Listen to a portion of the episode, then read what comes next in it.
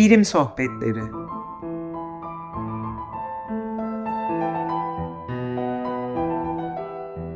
Hazırlayan ve sunanlar Ali Alpar, Defne Üçer Şaylan ve Müsemma Sabancıoğlu.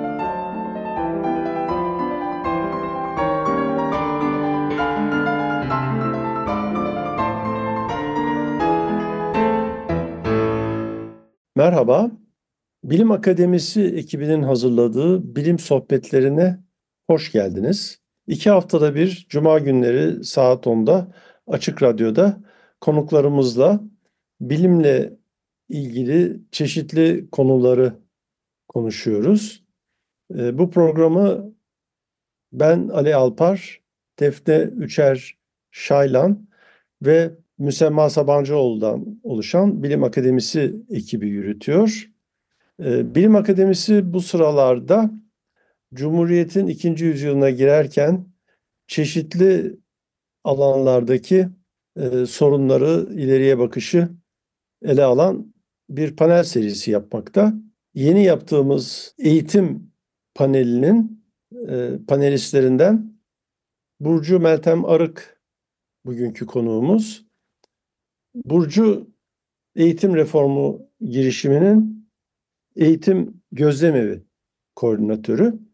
Sözü Burcu'ya bırakmadan önce tabii Cumhuriyet e, laiklik ve demokrasi bağlamında eğitimin özellikle çok önemli bir konu olduğunu bir kere daha belirtmek isterim.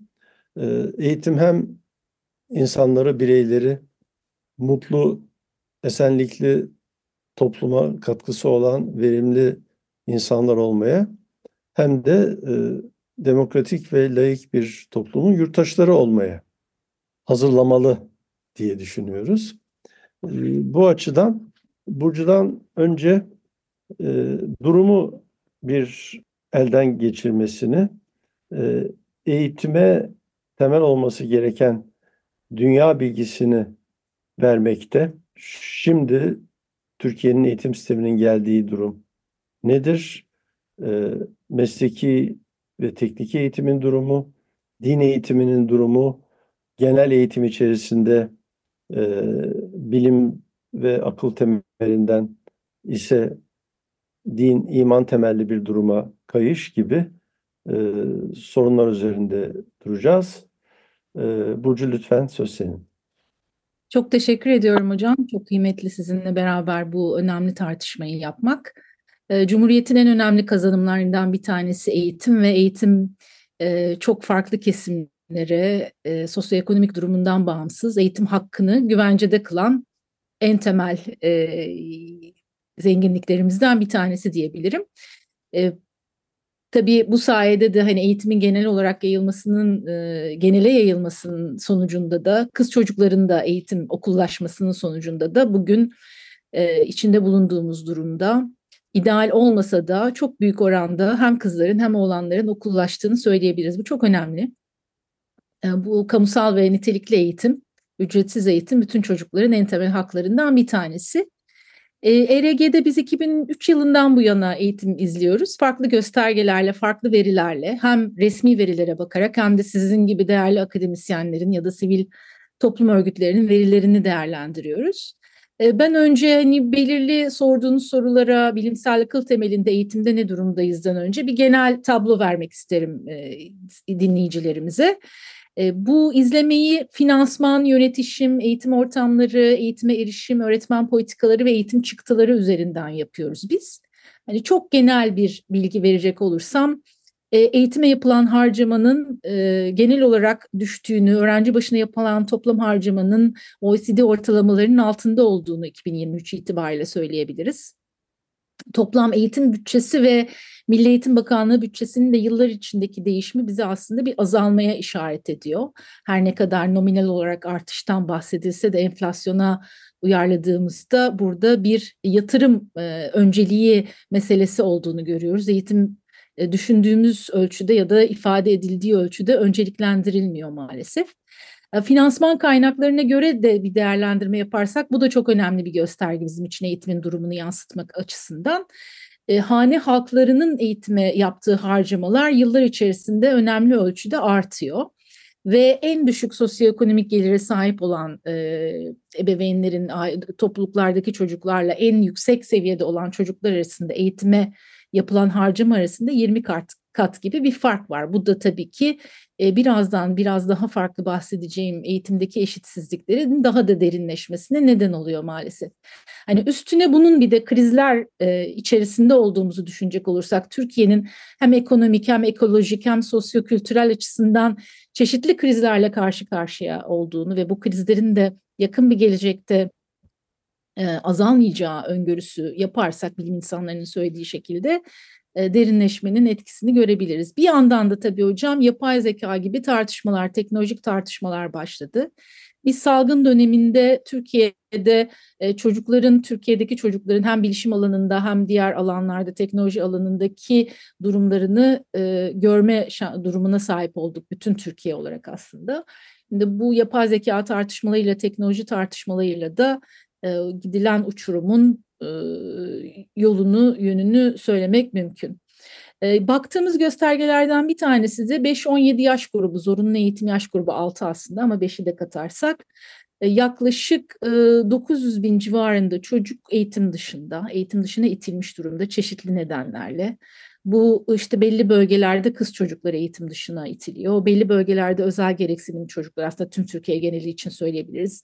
Roman çocuklar, göçmen çocuklar e, diye e, ya da sosyoekonomik durumu e, maalesef düşük olan e, çocuklar diye iler, ilerleyebiliriz. Bu çocuklar tabii ki eğitim dışında ama nerede sorusu da bizim için çok kritik ve burada da kızlarla oğlanlar arasında fark görüyoruz. Hani oğlanlar daha çok iş nedeniyle, aile ekonomisine katkı nedeniyle e, eğitim dışına itilirken e, kız çocukların ailenin istememesi, erken evlilikler gibi başka nedenler olabiliyor ya da ev içi bakım, iş sayılmayan ev içi bakım nedeniyle ayrıldığını görüyoruz. Bu önemli bir gösterge. Tek bir çocuğun bile eğitim dışında olması aslında e, hepimizi endişelendirmeli ki 900 bin çocuktan bahsediyoruz burada.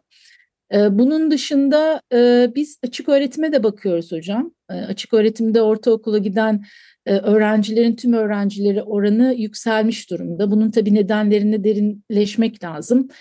Çocuk yoksulluğunun arttığını biliyoruz. Covid'in etkisinin arttığını biliyoruz. Depremlerin etkisi nedeniyle de kısmen oran yükselmiş durumda. Ama belirli araştırmalar genel olarak eğitime inancın da düştüğünü ya da eğitimle bir hayat değişikliği olma algısının farklılaştığını da bize gösteriyor doğrusu.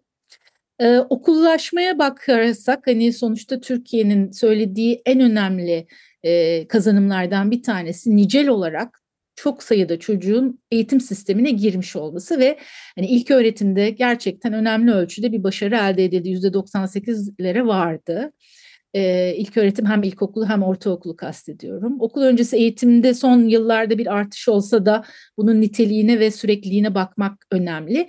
Orta öğretimde ise maalesef hani artmış olmakla beraber e, Cumhuriyet'in bir kazanımı olarak ikinci yüzyıl için çok daha farklı çabalar gerekiyor. Bütün çocukların yüzde yüzünün eğitim sistemine girmesi için. Biz okul türlerine göre de bakıyoruz çünkü bu da bize biraz niteliği gösteriyor.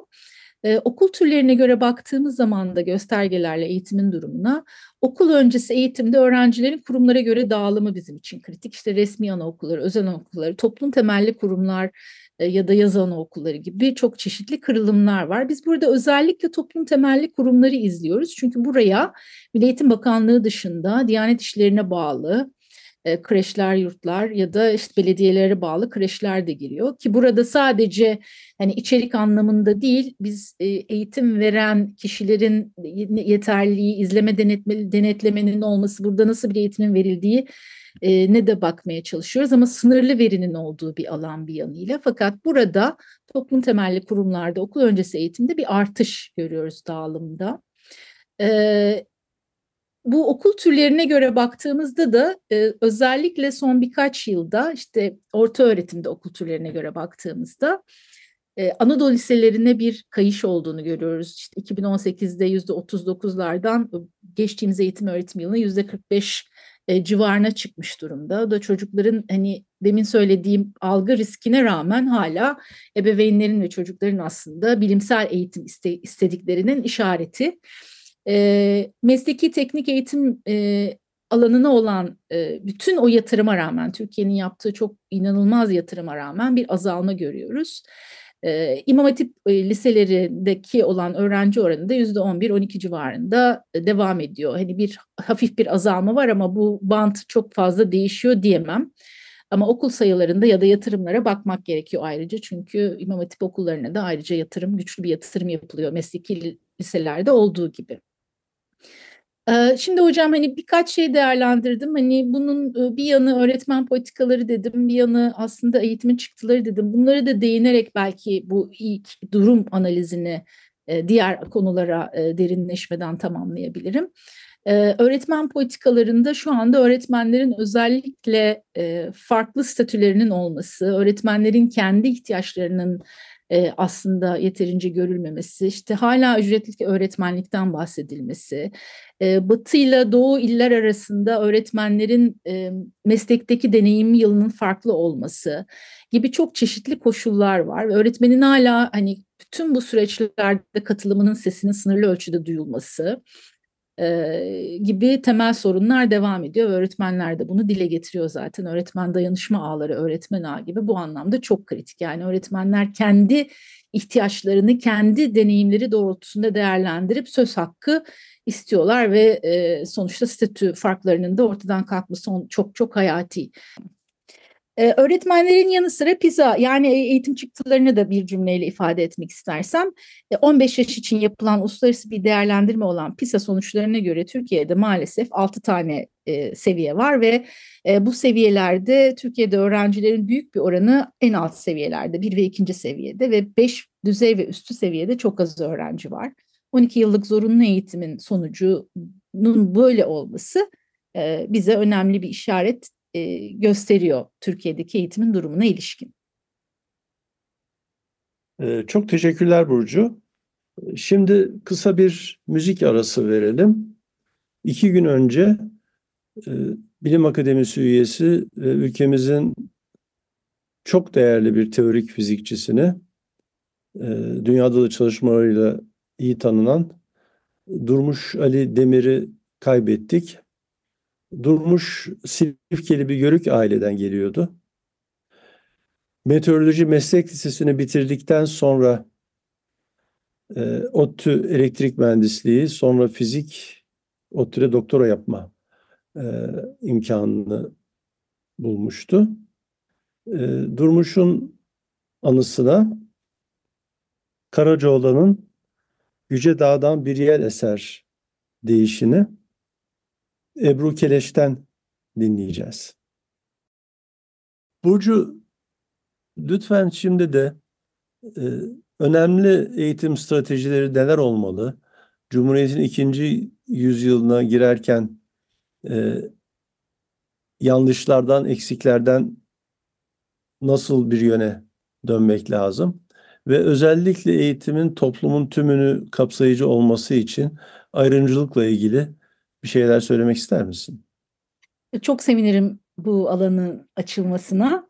E, iki temel eksende paylaşmak isterim bu sorunuzun yanıtını. Bir tanesi e, şu anda da kamuoyunda tartışmaya yol açan aslında dünya bilgisinden eğitimin uzaklaşması sorunsalı ve bu önemli bir sorunsal. Yani bilgi e, temelinden e, çıkmaması gerekiyor. Eğer söylediği ölçüde kalkınmasını, teknolojisini, gelişimini, e, bütün topluluklarıyla karşılamak istiyorsa Türkiye yani kalkınma planlarında orta vadeli planlarda ya da diğer planlarda belirtilen uluslararası sözleşmelerde geçerli olan e, altına imza attığı e, çalışmaları gerçekleştirmesi için dünya bilgisi temelinden vazgeçmemesi gerekiyor ama son değişiklikler son açıklamalar bu yönde bir zayıflama olduğunu gösteriyor. O yüzden tekrar bir an önce hem içerik ama sadece içerik anlamında değil yaklaşım, pedagoji, öğretmen yetiştirme, eğitim ortamlarının düzenlenmesi de dahil olmak üzere e, demokrasi, laiklik, bilimsellik temeline e, girmemiz gerekiyor. Bu çok aşikar en temel ihtiyaçlardan bir tanesi. İkincisi de sizin dediğiniz e, Türkiye maalesef bütün araştırmalara bakıldığı zaman birçok ayrımcılıkla uğraştığı ve bir sosyoekonomik durumun eğitime en çok etkisinin olduğu ülkelerden bir tanesi. Öyle ki PISA araştırması demin bahsettiğim hem okullar arasında hem cinsiyetler arasında hem de sosyoekonomik durum bakımından pek çok farklılıklara işaret ediyor yaklaşım açısından. Şu anda Türkiye'de çocuklar öyle bir sınav sistemi içerisindeler ki birbirine yakın temeldeki çocuklar sınıfsal olarak bir arada. Dolayısıyla bazı okullar otomatik olarak başarısız olarak adlediliyor. E, burada da hani buradaki müdahale programlarına bakıldığı zaman da ayrımcılıkla mücadeleye yönelik e, programlara bakıldığı zaman da eğitim ortamının Cumhuriyet'in başta idealinde olduğu gibi fırsat eşitliği sağlamak ve ayrımcılığın okullarda giderilmesini sağlamak idealinden biraz uzaklaştığını, eğitim ortamlarında bu ayrımcılığın tetiklendiğini, teşvik edildiğini, oluşturulduğunu görüyoruz. Dolayısıyla burada da çok farklı eksenlerde müdahale programları ve e, politika e, farklılığına gidilmesi gerekiyor. Burada bir konunun altını özellikle çizmek isterim. Bu da toplumsal cinsiyet eşitliği temelinde maalesef 2019'dan itibaren bu alanda daha önce yapılmış çok kıymetli çalışmaları olmasına rağmen kamu idaresinin e, kızlarla olanlar arasında bir farklılık var ve toplumsal cinsiyet eşitliğine yönelik çalışmalar durduruldu. Hatta e, biliyorsunuz bu eğitim öğretim yılının başında maalesef kızlarla oğlanlar arasında farklı okullar oluşturulmasından bile bahsedildi. Dolayısıyla da hani bu tartışmaların spekülatif, kutuplaştırıcı, ayrımcılığı tetikleyen tartışmaların durması ve hem e, demin de söylediğimiz gibi bilgi temelinde tekrar yeniden eğitimin bütün parçalarının e, inşa edilmesi hem de ayrımcılığın giderileceği e, önlemler alınması gerekiyor. Burada birkaç kritik noktaya daha işaret etmek isterim. O da mesela çocuk hakları, çocuk esenliği ve çocuk yoksulluğu. E, ayrımcılığı çocuk yoksulluğundan, çocuk esenliğinden ayrı düşünemeyiz Türkiye'deki eğitim sistemi, dünyadaki eğitim sistemi içerisinde. burada da bir zayıf zayıflama olduğunu e, söylemek mümkün. Buna eğilmesi gerekiyor ve de demokrasi eleştirel düşünme, bilimsel yaklaşımın e, demin de söylediğim gibi temel olarak alınması gerekiyor. E, en başta hani konuşmamızın başında zaten çok zorlu krizlerle karşı karşıya Türkiye demiştik. Covid'de bunu gördük. Çok merkezi kararların alındığı, çok hızlı değişimlerin yaşandığı, değişimlerin ölçme değerlendirmeye göre yapılmadığı bir ülke. Şimdi de müfredat tartışmaları var ve örneğin daha önceki müfredatta ne işledi ne işlemedi onu görmüyoruz biz. Neye istinaden ve hangi felsefik temele dayalı bir müfredat bizi bekliyor onu anlayamıyoruz.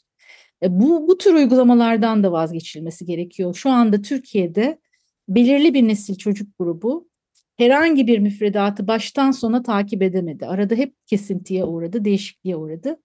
Ee, bunların da çok paydaşlı, çoğulcu bir anlayışla düzenlenmesi gerekiyor. Çok teşekkürler. Ee, zamanımız maalesef doldu.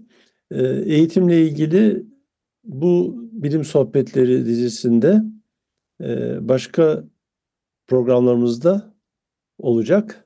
Çok teşekkürler Burcu. Ben teşekkür ederim hocam. Hoşçakalın, iyi günler.